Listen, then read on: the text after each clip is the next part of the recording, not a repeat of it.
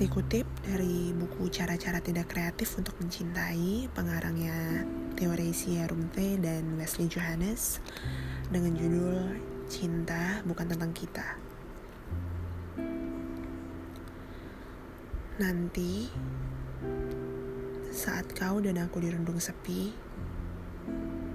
kita akan mencoba membuka gulungan waktu dan merinci satu demi satu peristiwa dan sambil berharap tidak ada yang terlewatkan, kita berusaha menemukan kunci untuk mengeluarkan kembali sebuah kenangan atau untuk waktu yang lain, sebuah luka, meski cuma sebentar.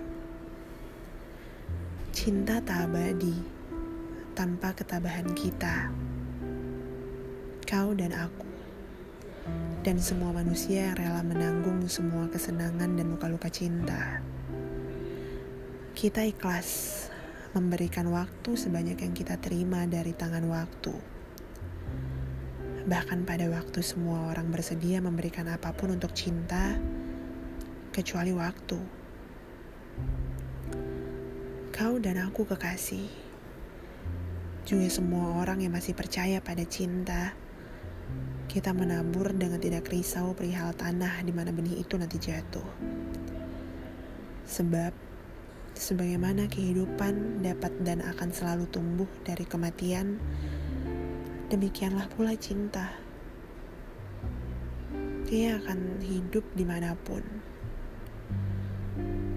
Kasih, bila kau dan aku setuju bahwa bumi telah rusak dan yang ada hanyalah kengerian belaka, maka cinta adalah satu-satunya pintu yang terbuka untuk kita. Kau dan aku bisa saja pergi dan sembunyi, namun aku ingin percaya sekali lagi dan seterusnya percaya bahwa cinta bukan tentang kita, tetapi tentang apa yang harus kau dan aku perbuat dengan kekuatan sebesar itu.